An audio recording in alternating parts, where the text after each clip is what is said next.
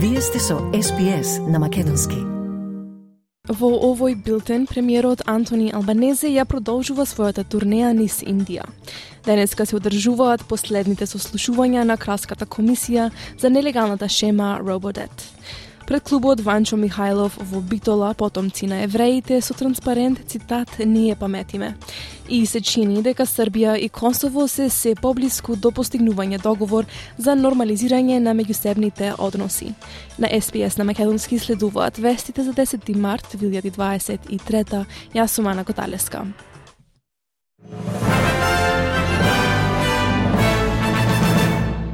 Лидерите на Австралија и Индија денеска на самитот во Нью Делхи ќе разговараат за клучни трговски прашања, како и за одбраната и технологијата. Австралискиот премиер Антони Албанезе и неговиот индиски колега Нарендра Моди вчера го посетија стадионот во Ахмедабад. Премиерот се надева дека разговорите ќе придонесат кон намалување на емисиите на јаглерот во Индија, како и поголем фокус на обновливите извори на енергија. And there has never been a point in both of our countries' histories where we've had such a strong strategic alignment, which has been reinforced by my current visit to India and will be reinforced further by Prime Minister Modi's attendance at the Quad Leaders meeting in a short period of time. Индија постави амбициозни цели за 50% обновлива енергија, како и за 30% од возилата да бидат на електричен погон до 2030 година. Вршителот на должноста премиер Ричард Марлс вели дека за Австралија здобивањето на подморници на нуклеарен погон ќе биде најголемиот чекор во воената способност од крајот на Втората светска војна. Шпекулациите се зголемуваат по протечените извештаи од Соединетите Американски држави и Обединетото кралство, дека Австралија ќе купи пет подморници од класата Вирџинија, а останатите подморници ќе го комбинираат британскиот дизајн со технологија од САД. Господин Марлс изјави за Nine Network дека ќе има официјално сообщение следната недела. This is the biggest step forward in our military capability that we've had since the end of the Second World War. And this, more than anything that we can do, will, will, allow us in a pretty difficult world to look after ourselves. And uh, the whole uh, steps that we're taking here is about making sure that with our submarine capabilities, we are able to grow that, that it remains potent, uh, because there is nothing which gives um, any adversary uh, a second thought more than a capable submarine. Сослушувањата на Кралската комисија за програмата Robodet завршуваат денеска со последните сведоци, работник на Centrelink и клиент погоден од нелегалната шема. Со тоа ќе заврши тринеделното сослушување на докази од поранешни коалициски министри, високи јавни службеници и независното тело за надзор. Комисијата вчера го сослуша поранешниот вршител на должноста народен правобранител Ричард Глен. Господин Глен рече дека имал прашања за законот на шемата кој ги истражил, но решил да не действува. Комисијата слушна дека народниот правобранител бил доведен во заблуда од страна на одделот, кој ги задржувал клучните документи околу законитоста на шемата, додека правобранителнот истражувал. Комисијата ќе го предаде конечниот извештај до крајот на јуни. Според наодите на ново истражување, сегашниот скрининг за цистична фиброза не е погоден за мултикултурната популација на Австралија, а некои дури го означуваат како цитат расистички. Неодамнешната студија спроведена од научници од владината агенција CSIRO во партнерство со Pathology Queensland и Австралиската лабораторија за тестирање на гени Genepath испитуваше податоци од Австралискиот регистар за цистична фиброза на речиси 4000 луѓе. Студијата откри два случаи на бебиња од источно-азиско потекло, кои биле носители на цистична фиброза, но тоа не било откриено со препорачаната генетска секвенца. Господин Глен Бенет е главен медицински директор на Path. Тој сугерира дека сегашните опции за тестирање се дискриминаторски, со оглед на тоа што тестовите се прилагодени на генетски вариации кои се најчести кај луѓе од европско потекло. It's kind of sad to say, but you know the current you know genetic screening tests that are available in Australia they're racist. You know they basically are tailored towards genetic variations that are most common in Caucasian populations. So That's why we did this research and published it to put it on the agenda so that policymakers can have a look at these tests, look at the new technologies that are available uh, in order to you know, provide policy on tests that are going to be equitable for the whole of the Australian population. Според полицискиот комесар на северната територија, Джейми Чока, поведувањето на ограничувањата за алкохол во Елис Спрингс значително ги намали стапките на криминал и антисоцијално однесување. Инцидентите на семејно насилство се намалија за 30%. Инцидентите поврзани со несоодветно однесување на млади се намалени за 36%, додека случаите на незаконски упади во домови се намалени за речиси половина.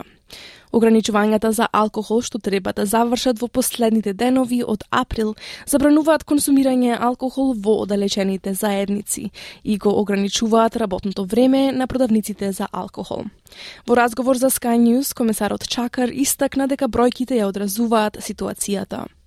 There is no doubt that our uh, antisocial behaviour and our family and domestic violence and assaults have reduced markedly. The statistics are very clear with that.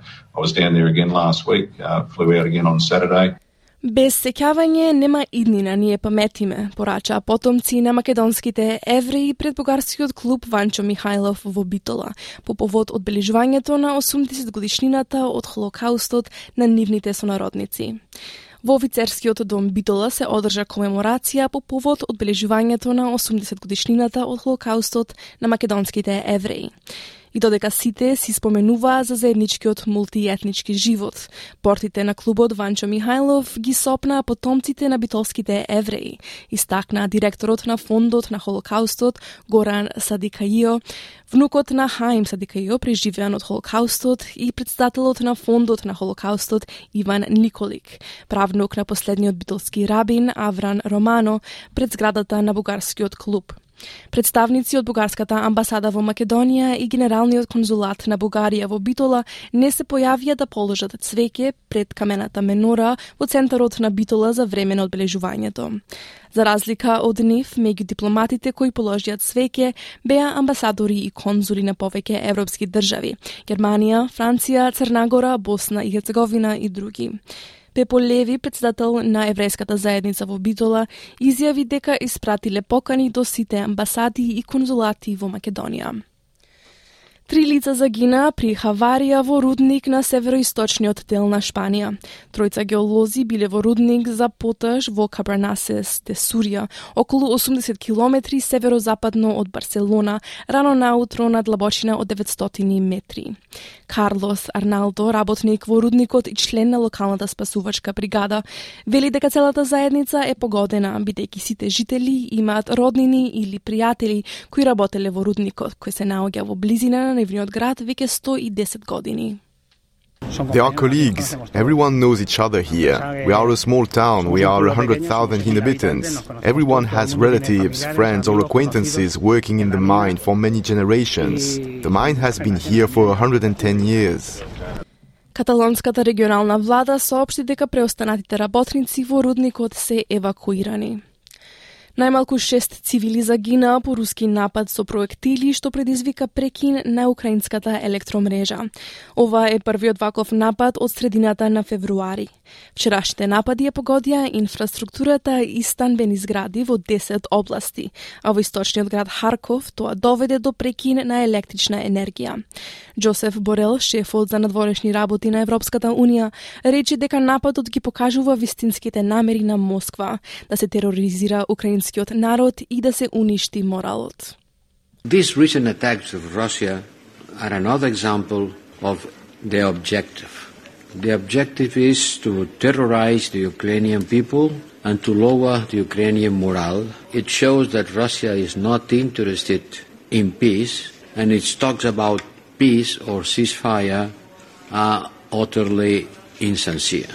That's why we have to continue supporting Ukraine И на Балканот се чини дека Србија и Косово се се поблиску до подпишување договор за нормализирање на нивните односи. Представникот на Европската Унија за диалогот Србија-Косово Мирослав Лачак вчера ја посети Приштина, каде се сретна со лидерите на Косово со кои разговараше за договорот што беше неформално прифатен од двете земји. Тој вели дека ќе го посети и Белград во понеделник и вторник.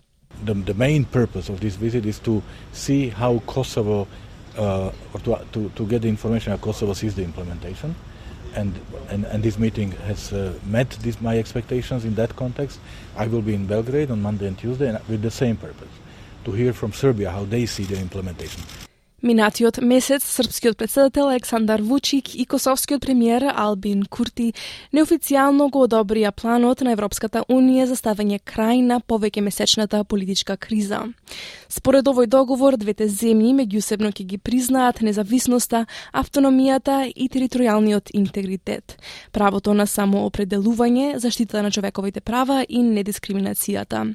Двајцата лидери ќе се сретнат подоцна овој месец во Македонија.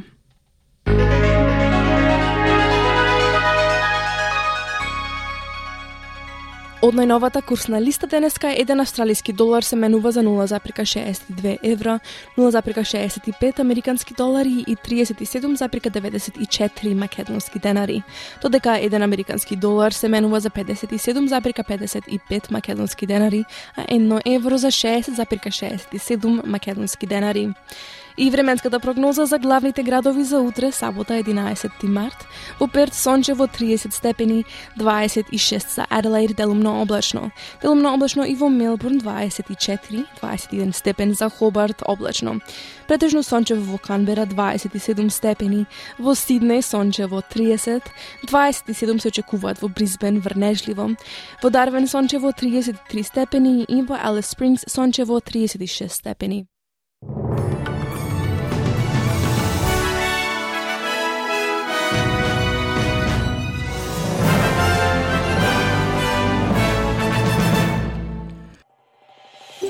Сакате ли да чуете повеќе прилози како овој? Слушате подкаст преку Apple Podcasts, Google Podcasts, Spotify или од каде и да ги добивате вашите подкасти.